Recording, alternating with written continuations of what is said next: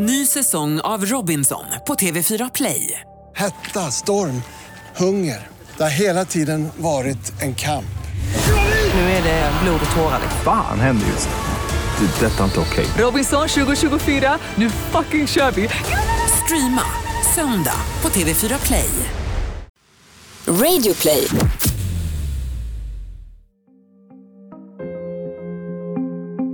De stora nyhetshändelserna påverkar alla svenskar. Men för några av oss blir de större än så. För människor som plötsligt hamnar i dramats centrum. Den här podden är deras berättelser. En röd punkt syns på kroppen. Sen förändras livet för alltid. När Lasermannen sätter skräck i Sverige startar en gigantisk polisutredning som pågår i nio månader. Och mitt i den befinner sig Sonny Björk. Det här är Jag var där. En dokumentärpodd från Radio Play. Av Andreas Utterström och Mattias Bergman.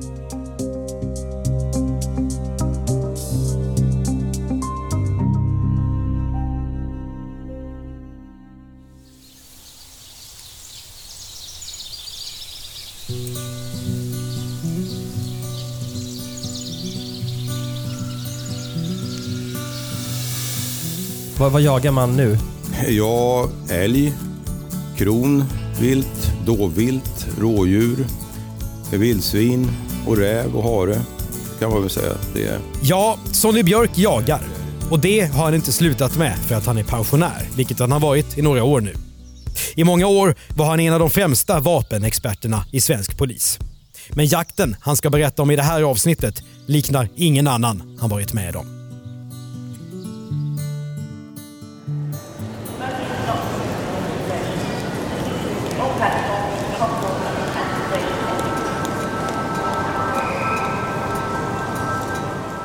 Kvällen den 3 augusti 1991. En man blir skjuten på Troppstigen vid Gärdets tunnelbanestation i Stockholm. Han och hans två vänner ska gå ut. Precis innan skottet tar i höften på offret ser vännen en röd punkt på hans kropp. Den kommer från ett kikarsikte med laser. Skjutningen på Gärdet slåss med andra nyheter i mediebruset. Kvällstidningarna skriver om en laserman. Brottet är märkligt och det som sticker ut är just den röda pricken. Polisen får tips från boende i området som tycker sig ha sett det röda ljuset på sig själva. På en förskola håller man barnen inomhus av rädsla. Jag har varit intresserad av det ända sedan jag, sedan jag var ung. Min far var med i det så kallade skyttegillet och sköt och, och jag gick med i hemvärnet när jag var 16 år för då fick man ett mausergevär och mycket ammunition som helst. Så, så då kunde man åka upp och skjuta hur mycket man ville. Så att intressen kom, för skytte kom ju redan där. Sen, sen började jag jaga redan när jag var 13 eller 14-15 år. Och höll på med det fram till jag flyttade till Stockholm 1965 och började på polisskolan då. Ja, Sonny Björks intresse för viltvård och vapen har gjort honom till specialist på ballistik. Läran om hur projektiler, till exempel kulor, rör sig i luften. Men Sonnys polisbana har börjat i uniform. Medan han patrullerat har han blivit mer och mer intresserad av brottsplatsundersökningar. Redan 1974 började han på tekniska roteln vid Stockholmspolisen. I augusti 1991 har Sonny Björk jobbat på tekniska roteln i Stockholm i nästan 17 år. Som kriminaltekniker gör han och hans medarbetare undersökningar på brottsplatser och brandplatser. De håller på med fingeravtryck, undersökningar av kläder och fordon. Det handlar om stölder, inbrott, våldsbrott. Och på det sättet blir han också involverad i skjutningen på Gärdet. Och eh, den här röda punkten, det kunde man väl dra den slutsatsen att det här var faktiskt ett lasersikte man hade använt. Va? Det, är, det är inte vanligt. Alltså lasersikten fanns ju, men de, de användes ju mycket. som amerikanska polisen hade dem till exempel på sina pistoler för att kunna verka i mörker utan att använda de vanliga siktena och så vidare. Så att, men alltså här i Sverige var det ju inte vanligt med lasersikten och så. Sannolikt att det var en hämndaktion eller någonting annat, att någon inte gillar den här personen och uttryckte det på det här viset genom att försöka skjuta honom, eller han sköt, sköt ju honom bevisligen. Sonny har fel. Den där skjutningen på Gärdet är ingen hämnd. Men det kommer att ta tid innan polisen förstår det. Jag tror han hette Gebre Marian. Eh, blev ju skjuten då bakifrån eh, med ett finkalibrigt vapen. Eh, där eh, kläd, eh, ja, undersökningen av, av offrets kläder kom in till oss för bedömning. Eh, man såg ju att det fanns ett ingångshål i kläderna men inget utgångshål. Så att kulan har ju gått in bakifrån i, i kläderna och slagit igenom de yttre delarna av höften då, men stannat i kläderna. Så kulan ramlade säkert ur när ambulanspersonalen höll på att hantera honom. Hösten 1991 går vidare med annat. Och den 21 oktober sker en ny skjutning. En antropologistudent med iransk bakgrund skjuts nära universitetsområdet i Stockholm. Han hör ett prasslande ur en buske vid vägen där han går. Sedan blir det svart. Eh, den här killen, han ser ju inte någon laserpunkt. Va? Eh, det var väl uppe på Svante Arrhenius väg. Och han blir skjuten i käken från höger sida. Så småningom hittar polisen en hylsa. Det är det första tekniska spåret från Lasermannen. Och då stämde ju kalibern tyckte man ju att det var ett klenkalibrigt vapen som hade träffat den, den första offret i höften. Det, det, var ganska uppenbart. Så vi lutade väl åt kaliber 22 eller alltså 5,56 mm redan då. Va? Kaliber 22 long rifle, en mycket vanlig ammunition. Inom polisen behandlas de två skjutningarna som varsitt ärende. Olika poliser är ansvariga för utredningarna. Och att samma person skulle vara skyldig till bägge förefaller ingen. Bara en sak som ska visa sig viktig förenar de två offren. De är bägge invandrare. Får det polisen att tro att dåden har med varandra att göra? Nej, det gjorde man ju inte. Vi, alltså, våldsroten gjorde ju det inte. Va? Det var ju separata utredningar. Och, och jag vet inte... Jag kommer inte riktigt ihåg om vi drog den slutsatsen redan efter andra skjutningen att det här måste, fin- det måste vara ett samband. Va? Och nu ökar skytten takten. Sex dagar efter det förra våldsdådet är det dags igen. Den 27 oktober skjuts en man med grekiskt ursprung i Vasastan. Han såg ju också en röd punkt. Va? Och han blir skjuten med två skott och de träffar i bukpartiet.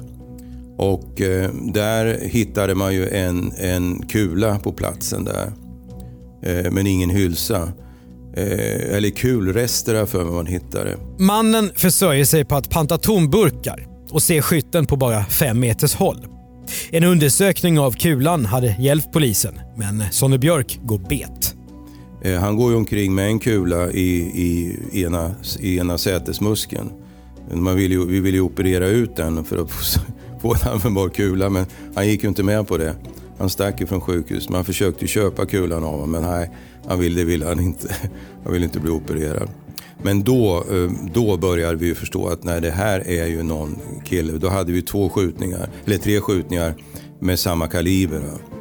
Och, eh, eller i alla fall som vi misstänkte var samma kaliber. Och eh, två av dem hade man sett en röd punkt. Det var då det här beteckningen med lasermannen eller laserskytten kom fram.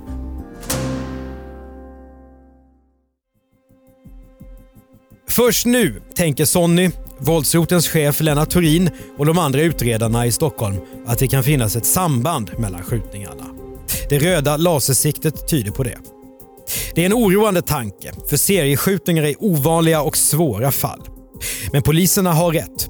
Bakom de tre våldsdåden står en och samma person. En av de värsta brottslingar vi haft i Sverige. John Ausonius, 38 år. Född Wolfgang Zaug och uppvuxen i Stockholm. Ausonius är en asocial särling sedan många år. Han har misslyckats i sina studier och haft lågavlönade jobb. En period har han varit hemlös. Tidigare i livet har han behövt psykvårdas.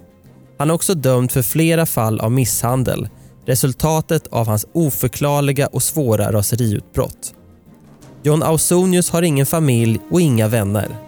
Han bor i andra hand och ser till att få sin post till en box på postkontoret. Och han har ännu ingen plan på att sluta skjuta invandrare. Sonny Björk åker till kriminalavdelningen på Kungsholmen för att berätta om ärendet. Så sa jag att vad gör ni åt den här så kallade lasermannen som nu går omkring och skjuter folk? Han kommer ju inte att sluta med det här. Och eh, nej, de ville liksom inte kännas vid. De sa att ni, ni måste ju sammanföra utredningarna. Så vi bråkade faktiskt med dem om det här och chefen Krim också.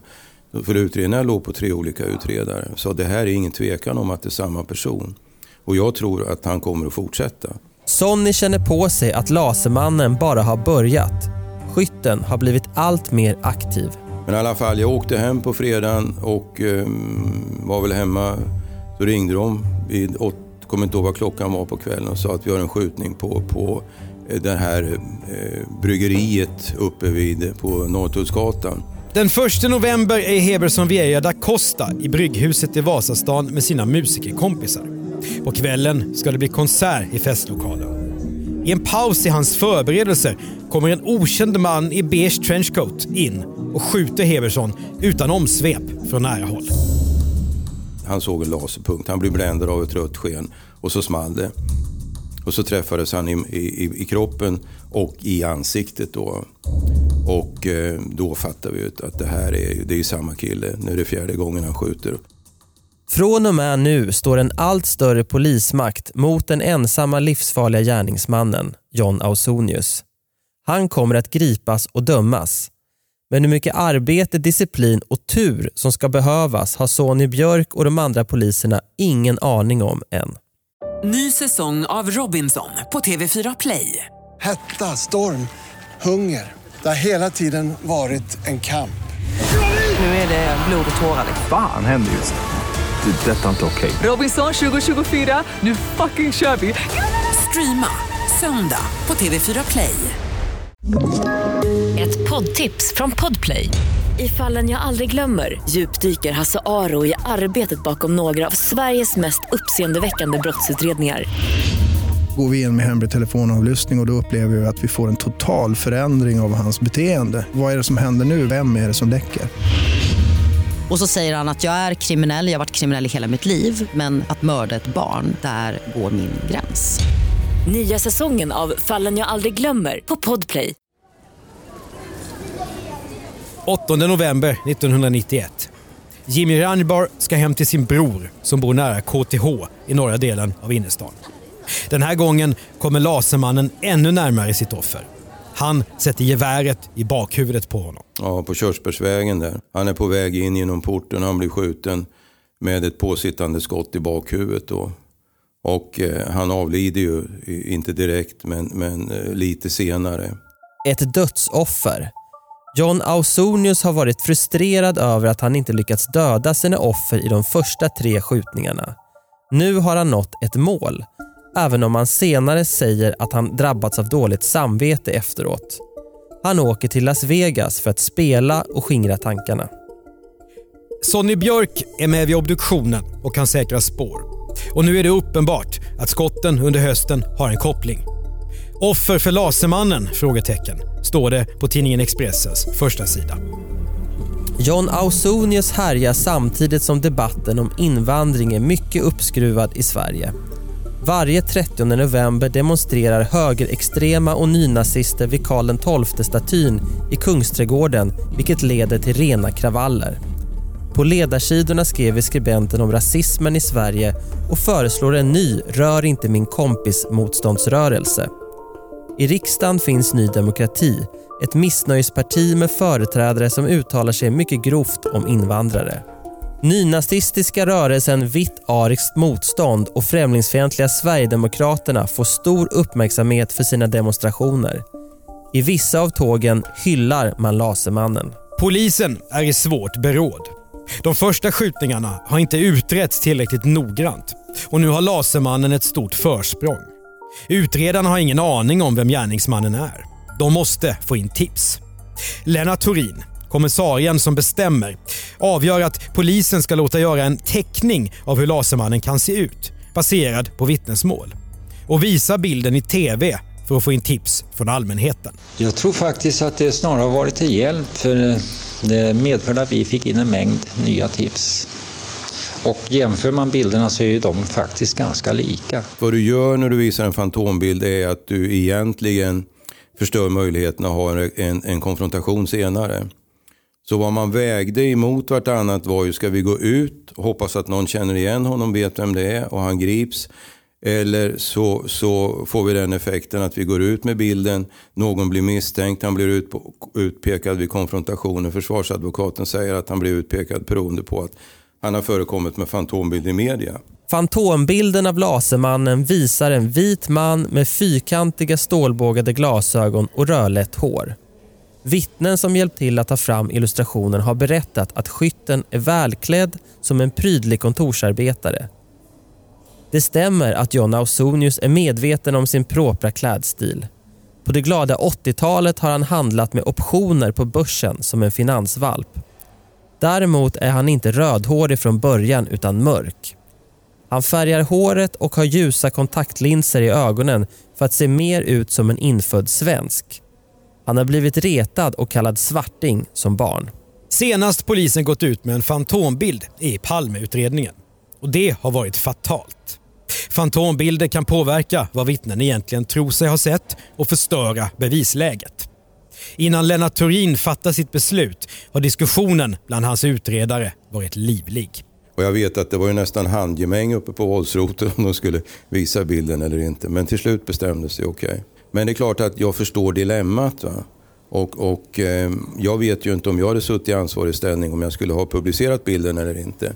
Det, det, är ju väldigt svårt. Det var ju väldigt angeläget på grund av att det var ett hiskeligt liv ute på stan. Man var ju rädd för att invandrare skulle beväpna sig och börja skjuta eh, då för att ja, skrämmas eller någonting. Va? Så att det, det var ju lite panikstämning. Så det var väl ett beslut som delvis också var framtvingad av den paniken som fanns i regeringskansliet och så vidare dessutom. Va? Panik ja. Det är ingen överdrift. Polisen får snabbt in hundratals tips. Det finns misstankar om att organiserade nynazister ligger bakom skjutningarna. Därför kopplas också Säkerhetspolisen in. Medborgarna är skräckslagna. Snacket kring fikaborden handlar ofta om Lasermannen. Inte bara bland stockholmarna, utan i hela landet. Politikerna med statsminister Carl Bildt i spetsen blir hårt pressade att göra något, vad det nu skulle kunna vara. Seriegärningsmän kan ha ett beteende som går att förutsäga. Vissa slutar med sina dåd när de lyckats döda en person.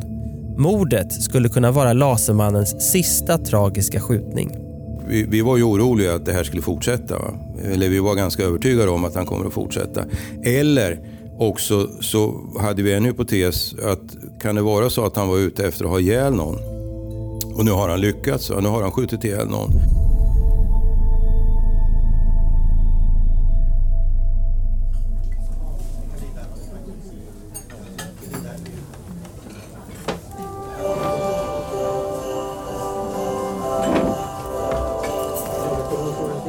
I den underliggande skräcken går Sverige in i julledighet. Och det gör Lasermannen också. Sonny Björk och hans kollegor har en del att fundera över. Kommer de någonsin att kunna gripa den här gärningsmannen? Vad gör mannen under julen? För det är väl ändå en man som begår sådana här dåd? Men den 22 januari 1992 är det dessvärre dags igen. Den här gången i Uppsala. Han blev skjuten i käkpartiet då. Och eh, tillvägagångssättet var ju brutalt likt Lasermannen. Va? Det som skilde var ju att nu var det ju en andra kulor man säkrade på platsen. Nu var det ju 9 mm blyspetskulor som man hittade då eh, efter den här skjutningen. Hylsorna efter de tidigare dåden har fått stort utrymme i tidningarna. Därför har Lasermannen bytt vapen, vilket inte förvånar Sonny Björk. Den unga forskaren i Uppsala är skjuten med revolver och den kommer Ausonius att använda redan dagen efter i två skjutningar i Stockholm. Klockan 13.15 den 23 januari 1992 skjuter Lasermannen, sittande i sin bil, en skiftledig busschaufför på Brännkyrkagatan på Södermalm. Det som händer där är ju att han, han är ju för att besöka en person där på Brännkyrkagatan. Och det stannar en, en, en vit, liten vit bil. Ut kliver en person med en, en sån där balaklavamössa, så kallad rånarluva. Och beskjuter honom då på lite avstånd. Men då började vi ju förstå att det här är samma person. Och då sparade jag en av kulorna eh, ifrån den skjutningen eh, på jobbet då så att jag kunde jämföra. Jag misstänkte att det kommer att fler skjutningar. Men det blir varken Sonny Björks eller Ausonius sista gärning den dagen. För bara några timmar senare är Lasermannen ute igen. Han skjuter två personer i Somaliska föreningens lokal på Regeringsgatan mitt inne i stan. Sonny och hans kollegor hittar fyra kulor. Eh, och då jämförde jag ju de kulorna med kulan ifrån Brännkyrkagatan och såg direkt att det här är samma vapen. Det som de berättar på Somaliska föreningen är att det är något långt svart framtill på det här vapnet. Sen hittar man bitar utav nylon, alltså nylonbitar, vita nylonbitar som man inte riktigt visste vad det var. Skickar ner dem till NFC, till SKL som det hette då, för analys. Och de säger att den här, här, de här är bemängda med krutrester och tändsatspartiklar och lite brända. Så de, de måste ha varit i närheten av pipmynningen när de är avfyrat. Och då kommer jag ihåg att jag sett ljuddämpare som har sådana här polyamidslingor i sig då. Så att, eh, att, att började förstå att han hade satt en ljuddämpare fram på revolvern där. Kulor, krut och rester. Viktig teknisk bevisning är avgörande för att kunna fälla gärningsmannen i domstol. Men det akuta problemet är ett annat. Vem är Kahn och var finns han? John Ausonius ligger hela tiden steget före polisen. Som han själv säger efteråt. Jag var inte speciellt bekymrad. Jag hade läget under kontroll. Han följer noggrant den massiva rapporteringen i tidningar och TV. Men polisen kan börja omvärdera sin bild av Ausonius som iskall. Han har börjat slarva. För vid de senaste två skjutningarna har den mystiske välklädde våldsmannen lämnat spår efter sig. Och ett av dem är fyra meter långt och väger 1200 kilo nämligen bilen han suttit i från den första skjutningen den 23 januari. Sen åker den vita bilen, lilla vita bilen Brännkyrkagatan österut. Håller på att krocka med en lastbilschaufför uppe vid Timmermansgatan. Och lastbilschauffören ser ju att han sitter med en rånarluva på sig. Och han skriver ju upp, han ser att det är en vit Nissan Micra. En vit Nissan Micra 1,2 SLX. En liten, billig och vanlig bil. Det ska bli en avgörande upplysning senare. En vecka senare, den 28 januari 1992, skjuts Isa Aibar i sin grillkiosk vid Djursholms Ösby station på Roslagsbanan. Han skjuts ju med flera skott och med revolver rakt framifrån. Va? Och blir ju träffad i händerna tror jag. Och, men, men där hittade vi ju flera kulor också. Va? Som, vi, som jag jämförde i jämförelsemikroskopet kunde se att det är samma vapen igen. Då. Den känslokalla skjutningen i grillkiosken får svenskarna att gå man ur huse i protest. En galning går lös, ropar Expressen. Och tidningens ledarsida säger “Ut i verkligheten Carl Bildt”. Kändisar skriver under upprop att stoppa terrorn. Och krönikörer speglar stämningen när medborgarna anordnar ceremonier för Lasermannens offer. Ja, jag kommer ihåg den där upprörda stämningen som var. Va? Och att politikerna gick ut och försökte lugna ner folk, alltså att inte vidta åtgärder och inte, inte ställa till någonting som skulle förvärra situationen som sådan. Inne i utredningen sker arbetet med mindre känslor och mer systematik. Sonny Björk håller sig undan från förhören. Hans uppgift är att analysera skospår, hylsor, kulor och brottsplatsundersökningar. Han vill inte påverkas av andra källor som kan lura hans hjärna att inte vara öppen för där den inte har tänkt tidigare. Det fanns ju många som, som hade åsikter om vem det kunde vara då, att det var någon på extrema högerkanten och, och att man skulle kunna söka dem och de kretsarna och så vidare. Och eh, ja, det, det, var ju mycket teorier som florerade, florerade då. Isa Aibars upprivna släktingar vädjar direkt till skytten i Expressen. Du måste sluta, det du håller på med är meningslöst, säger de. Men det avskräcker inte Alsonius. För samma dag, den 30 januari, finner hans kulor sitt elfte offer. Hassan Satara äger kiosken vid tunnelbanestationen Hägerstensåsen i södra Stockholm. Han överlever med mycket svåra bestående skador. Det bästa spåret för att ringa in Lasermannen är bilen. Hur många vita Nissan Micra SLX kan det finnas i Sverige egentligen? Svaret 3000 stycken. Att gå igenom samtliga och kontakta ägarna det är ett hästjobb. Enformigt och inte det minsta spännande. Som polisarbete ofta är. Och Det här är utredarnas enda chans, som kommissarie Lennart Turin säger. När alla ägare till Nissan Micra SLX är kollade kan man inte bara utesluta alla som inte är Lasermannen. Då har man antagligen också hittat Sveriges mest fruktade man. Det var ju faktiskt Palmegruppen som skötte det jobbet. Att spåra den vita Nissan Micran. Så att det visste jag om att det pågick. Va? Organisationer för invandrade svenskar bestämmer sig för en entimmes strejk. Ett möte i Rinkeby där många nya svenskar bor slutar i parodi. Statsminister Carl Bildt och invandrarminister Birgit Friggebo blir hårt ansatta med frågor. Vad ska ni göra åt Lasermannen och rasismen? Invandrarministern föreslår att de ska sjunga. Så här låter det i Sveriges Television. Hallå, nu tycker jag att vi gemensamt i denna sal sjunger We shall overcome. Risken för copycats ökar. Främlingsfientliga personer till exempel som vill härma Lasermannen. I februari sker två attacker mot icke infödda svenskar och det spekuleras om det kan vara nya laserdåd. Statsminister Carl Bildt försöker revanschera pinsamheten i Rinkeby genom att hålla ett tv-tal på primetime. Ett oerhört ovanligt drag i Sverige. Och spaningen leder också åt oväntat håll. Den 20 mars har polisen ett nytt spår. En 30-åring som hatar invandrare och dessutom äger en vit Nissan Micra och är lik mannen på fantombilden. Det är bara en hake. Personen är en man som klär sig som kvinna. Eh, jag kommer ihåg, jag kommer ihåg incidenten, eller ja, vad vi ska kalla det. det. det. gör jag. Men det klarades ju upp så småningom. Va? Så att, eh, men det är klart, det var inte kul. Inget kul läge för den där stackaren. Och, så att eh, det fanns väl en tanke om att han kunde spöka ut sig va? i sammanhanget. Den så kallade laserkvinnan släpps och ger en intervju till Expressen. Det blir ett sidospår i utredningen och flera kommer upp. Eftersom hela Sverige nu talar om Lasermannen blir tipsen många.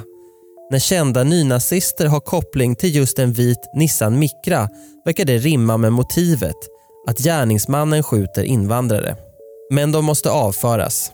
Jan Ausonius pendlar mellan att vara kylig och rationalisera sina handlingar och att få okontrollerbara raseriutbrott. Hans motståndare, polisutredarna, arbetar metodiskt och odramatiskt. För första gången någonsin gör man också en gärningsmannaprofil. För varje dåd ökar Lasermannens risk att åka fast. Lasermannen behöver ha tur varje gång. Men poliser behöver bara ha tur en gång. Och nu är det Sonny Björks tur att ha medvind. Det är det mest fantastiska jag har varit med om som polis. Alltså det måste jag säga, alla kategorier.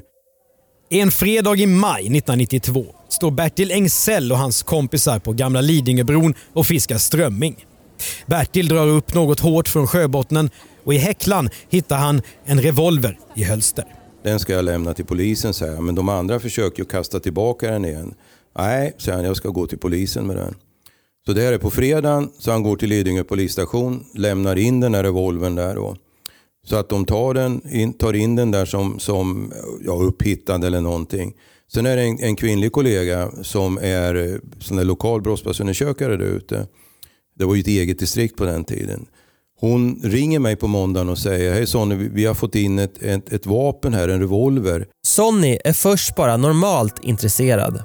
Så att hon sa, ja, hon, hon sa att ja, den sitter i ett hölster och den har en tratt fram till. Jaha, tänkte jag, då är det en sån där signalrevolver för att man skjuter ollonskott och så skjuter man iväg en signalsats. Va? Ha, finns det något fabrikat på den? Ja, det står Smith Wesson sa Ja, men så då, då är det ingen signal. Då, då måste du komma in med den. På det sättet får Sonny Björk revolven i sin hand. Och hon kommer in med den här och den, den är i ett hölster och när jag drar den där ur hölstret så reser sig vartenda hårstrå på kroppen. Jag ser direkt, det här är ju Lasermannens revolver. Ett viktigt genombrott.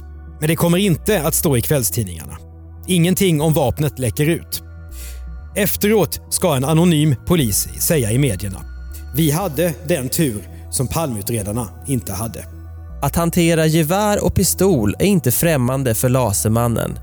Men exakt hur vapen fungerar vet han inte. Skytten har till exempel satt en ljuddämpare på Smith Wesson-revolvern. Helt meningslöst. Ja, alltså det, det, finns ju ingen, det finns ju ingen annan som kunna göra sånt här med, med ett vapen. Att man gängar upp pipan på en revolver och sätter på en, en, en, en, en gängtapp längst fram då för att det blev lite snett från början och lägga ner det jobbet. Det, det stämde ju precis överens med dem och de här polyamidfynden då som vi knöt till att att en, en typ av ljuddämpare, de har just den här polyamidslingan inne i sina dämpare. Lasermannen har också begått ett misstag. Ljuddämparen sitter gängad aningen snett på kolven på revolven.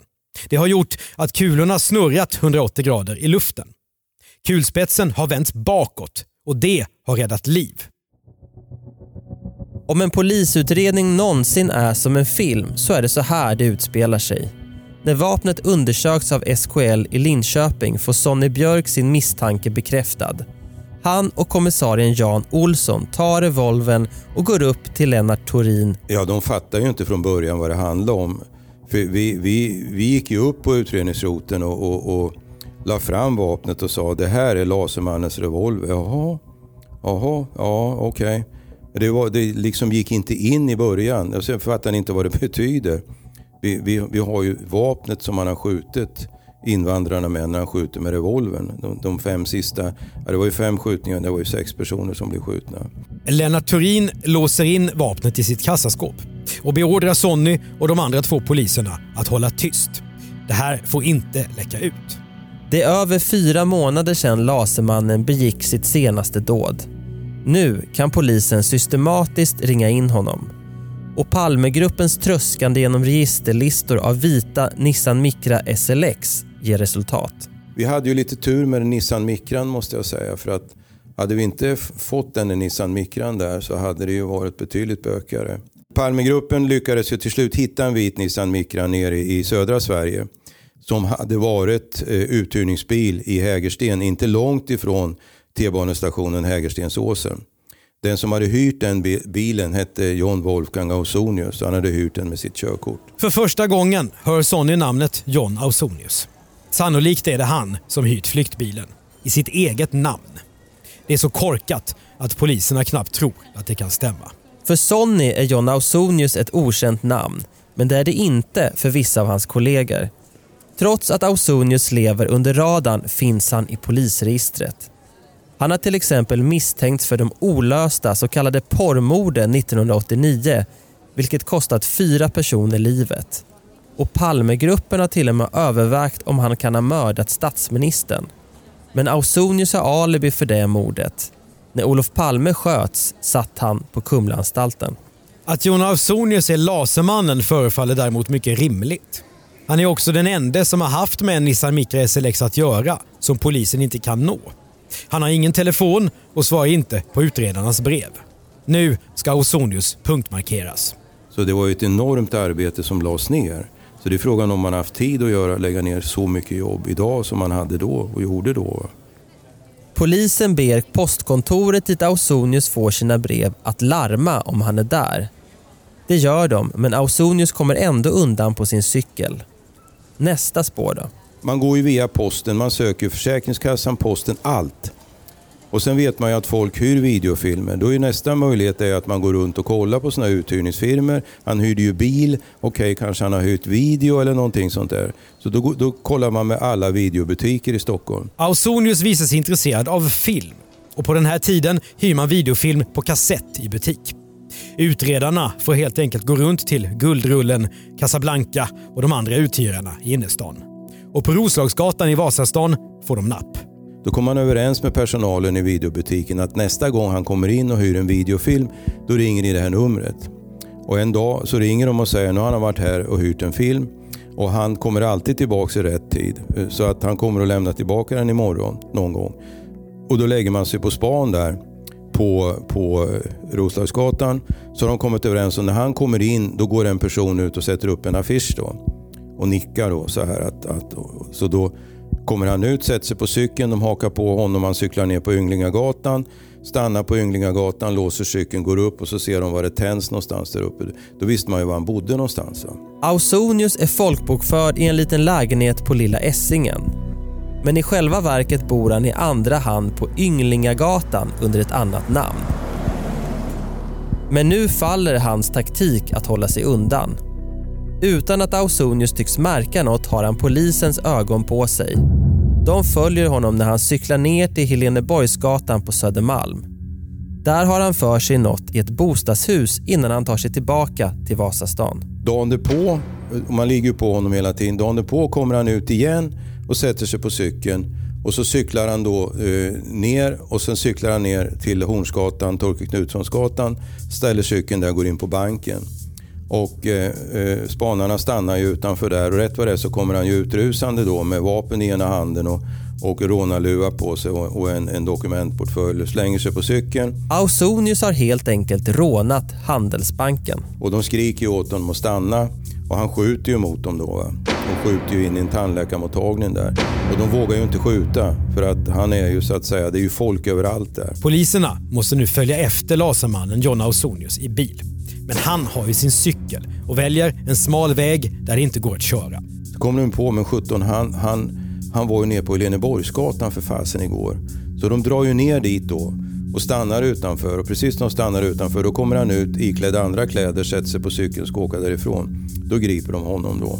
Och då hittar de i dokumentsväskan två pistoler och pengarna ifrån banken. Så då var ju John Wolfgang Ausonius gripen kan man säga. Så här låter det i Sveriges Television. Stockholmspolisen har gripit en person som misstänks vara den man som flera gånger attackerat personer med utländsk bakgrund, den så kallade Lasermannen alltså. Mannen har skuggats av polisen en längre tid. Det är tio månader efter de första skotten. Polisens oförtrutna spaningsarbete ledde till att rätt man kunde åka fast. Och Sonny Björks metodik har säkrat goda tekniska bevis. Ausonius motståndare kan nu fira en stor framgång. Så vi gick på restaurang, alla som hade jobbat med det här och vi satt och pratade med varandra och så vidare. Ända till de började spela så hög musik så jag gick därifrån. Jag har lite hörselproblem på grund av provskjutning av alla Palmevapen så jag skjuter sönder mina öron. Sonny Björk och de andra utredarna är inte ensamma om att känna lättnad. Svenskarna andas ut och kan ställa nya frågor. Vem är den här mannen bakom vansinnet? Hur kunde Sverige än en gång förlora sin oskuld? Och var har Lasermannen fått bränsle till sitt hat mot nya svenskar? Sonnys arbete går in i en ny fas. Kontakter med vapenfabrikanter ska säkra kopplingen mellan gevär, revolver och Ausonius. Serienummer på vapnen som Lasermannen filat bort kan återställas av Sonny. Och nu får han också se John Ausonius lägenhet. Ja, det var väldigt välordnat, snyggt och propert. Och, eh, eh vi hittade ju hans anteckningsböcker. Det var, fanns sånt som var överstruket där. Som vi tog in, fick, fick eh, framkallat. Det var bilder från där han hade varit i Sydafrika och så vidare. Och, och vi hittade ett gevär i, i, med utplånat tillverkningsnummer i, i bostaden där. Eh, som vi, vi eh, kunde identifiera. Och vi hittade skruvstäd gängtappar och sånt som fungerade, som passade till den här, vad heter det, adaptern han hade satt på pipan. Ekvationen har gått ihop för Sonny Björk. Och utredningen ger svar på en annan fråga. Hur kan Ausonius överleva utan att arbeta? Svaret är enkelt. Han har försörjt sig på bankrån. Ausonius är antagligen den så kallade cykelrånaren som rånat fler än tio banker senaste månaderna och flytt från platsen på bockstyrcykel. De hundratusentals kronorna har han lagt på utlandsresor där han försöker lindra sin ångest med exotisk jakt och kasinospel. Kanske kunde han ha gripits tidigare, tänker Sonny Björk när han i tanken går tillbaka till Ausonius allra första bankrån. En rätt rolig grej är ju att första rånet vi vet han begick var ju mot Sparbanken på, i Midsommarkransen. Och när han cyklar där, först får han, har han ju ett gevär, en, en, en Marlin bygelrepetervapen då som man får eldavbrott på i banken och håller på att trassla med. Sen när han går ut och sätter sig på cykeln, cyklar en bit och hoppar kedjan av. Så ställer han ifrån sig cykeln och låser cykeln på platsen där innan han kutar vidare. Den cykeln blev ju viktig sen då för att eh, den undersöktes ju på plats. Sen så börjar man att fundera på den där cykeln och vad, vad, vad kan den komma ifrån? Så att eh, vi gick, undersökte ju cykeln och rev bort de här eh, märk, alltså operation märkning och så som var på cykeln för jag såg det var någonting under. Och där kunde jag etsa fram ett personnummer. Och den personen eh, kontaktades ju då. Han sa ja, jag har sålt den här cykeln till en man på Ynglingagatan. Så hade den blivit känt redan från början, eh, första rånet på Midsommarkransen, då hade han suttit för det rånet eh, omgående. Va? Utredarna är övertygade. John Ausonius är Lasermannen. Fanns det någon tvekan hos dig om att han skulle bli fälld när rättegången började? Nej, nej. Absolut inte. Det var ju ganska uppenbart eh, att han led av någon form av psykisk åkomma. Eh, att, att förmås att kunna göra så här, skjuta för honom främmande människor. Eh, bara för att man har en agenda på något sätt. Va? Och de här personerna inte har med den agendan att göra. Det innebär ju att han måste ju vara psykiskt sjuk. Dessutom är han ju, måste man ju vara intelligent och skärpt för att kunna hålla sig undan som han har gjort. Va? Och kunna liksom skjutit 11 personer, rånat åtminstone 10-12 banker och klarat sig. Va? Under förhören får Sonny Björk för första gången träffa John Ausonius. Artig, belevad eh, naturligtvis och, och, och, och, så. Och ber nästan om ursäkt för att han ljuger då, för att han tycker inte om att ljuga för oss då och så vidare. Så att, att eh, man får inget, inget negativt intryck av honom att, att, träffa på honom på det viset. Om jag inte vet vad han hade gjort så hade jag väl inte alls kunnat tänka mig att det är den här personen som ligger bakom de, de här skjutningarna. Vi, när vi skulle visa honom revolvern då, han visste ju att han hade kastat ner den här revolvern ifrån Lidingöbron. Och så åker vi upp till anstalten uppe i Norrtälje där han sitter. Eh, och jag var ju där för att höra honom om vapnet då bara. Eh, vad har du för inställning till det? Nej, det, han, hade ingen, han hade inte pysslat med något vapen och det var inte si och det var inte så och så vidare. Och, och eh, så lägger, vi fram, lägger jag fram det och säger, det här vapnet, vad har du att säga om det då? Och han bara tittar iskallt på oss och säger, ja det skulle nog kunna vara. Jag hade ju trott att han skulle ramla av stolen. Va, när vi, för han, han, han visste ju, han måste ju funderat hur i helsike har de hittat det vapnet som jag har kastat ifrån Lidingöbron. Va? Rättegångarna mot Ausonius pågår i nästan två år. Både tingsrätten och hovrätten dömer honom till livstidsfängelse mot hans nekande. John Ausonius brott saknar motstycke i sin empatilöshet, skriver tingsrätten i sin dom. Under rättegångarna pendlar Ausonius mellan lugn och rena raseriutbrott. Vid ett tillfälle misshandlar han sin försvarsadvokat inne i rättssalen. Trots det visar en rättspsykiatrisk undersökning att han inte lider av något som gör att han ska dömas till vård istället för fängelse. Men varför blev John Ausonius Lasermannen? I efterhand har han själv sagt att han sköt mot invandrare för att flytta fokus från sina bankrån och att han blev bekräftad att han gjorde rätt när han tog del av stämningen i samhället. Ausonius tog fasta på främlingsfientliga uttalanden i medierna. Kan tidsandan ha bidragit till att skapa en mördare? Det politiska spelet runt omkring eh, det får ju stå för honom. Jag tror inte att John Ausonius var politiskt intresserad överhuvudtaget. Det framkom ju ingenting sånt i, i själva förundersökningen överhuvudtaget. Först 2003, mer än tio år efter skjutningarna, erkänner John Ausonius både laserskjutningarna och flera grova rån än vad han har dömts för. Och så sent som i november 2016 döms han för ytterligare ett mord. Medan Sonny Björk och hans kollegor är honom på spåren i februari 1992 mördar Ausonius enligt domen en tysk kvinna i Frankfurt. Han har fått för sig att hon stulit ett fickminne av honom. Idag sitter John Ausonius i fängelse i Sverige. Hans ansökan om att få tidsbestämt straff har avslagits. Risken att han skulle begå nya brott anses för stor. Och Sonny Björk har inte så många frågor kvar om den gåtfulla personligheten Wolfgang Saug Ausonius. Ja, det är ju motivet då möjligen. Alltså om, man, om man skulle kunna klarlägga motivet, vad motivet egentligen var. Eh, det kan man väl tycka att det, det, har vi väl inte riktigt fått fram. Va? I och med att han påstår en sak och de som pysslade med utredningen trodde att det var en annan anledning och så. Namnet Lasermannen har gått till kriminalhistorien. TV-serien från 2001 sågs av miljoner svenskar. Och där är Sonny Björk en av de hårt arbetande polismännen.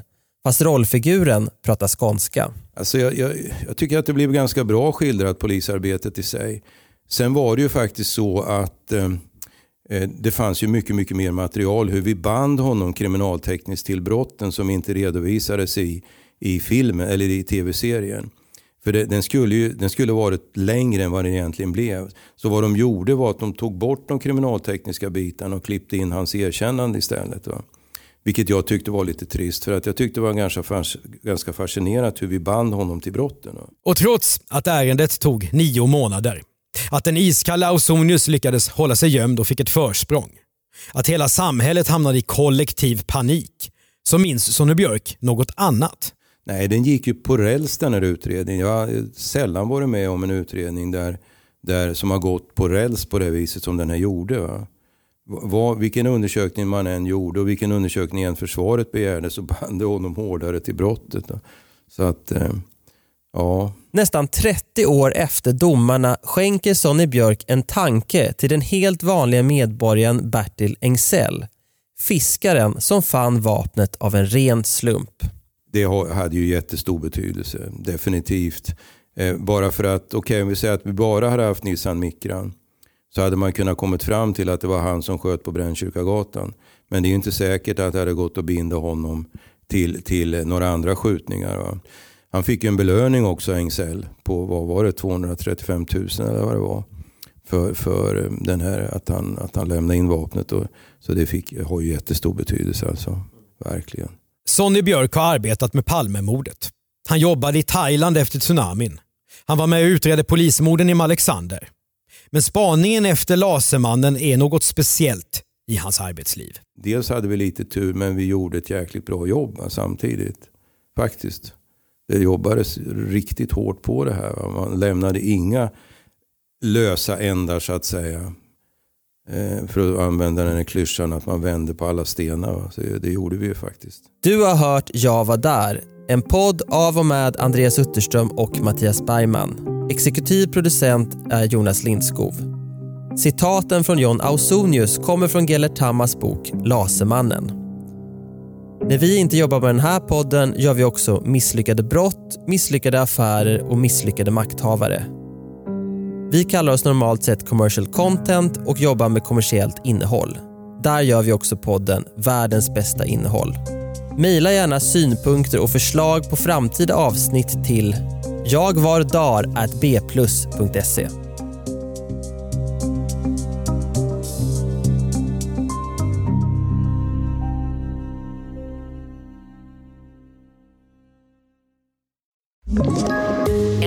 Poddtips från Podplay. I podden Något Kaiko garanterar östgötarna Brutti och jag, Davva, dig en stor dos skratt. Där följer jag pladask för köttätandet igen. Man är lite som en jävla vampyr. Man har fått lite blodsmak och då måste man ha mer. Udda spaningar, fängslande anekdoter och en och annan arg rant. Jag måste ha mitt kaffe på morgonen för annars är jag ingen trevlig människa. Då är du ingen trevlig människa, punkt. Något Kaiko, hör du på Podplay. Därför är gardinerna.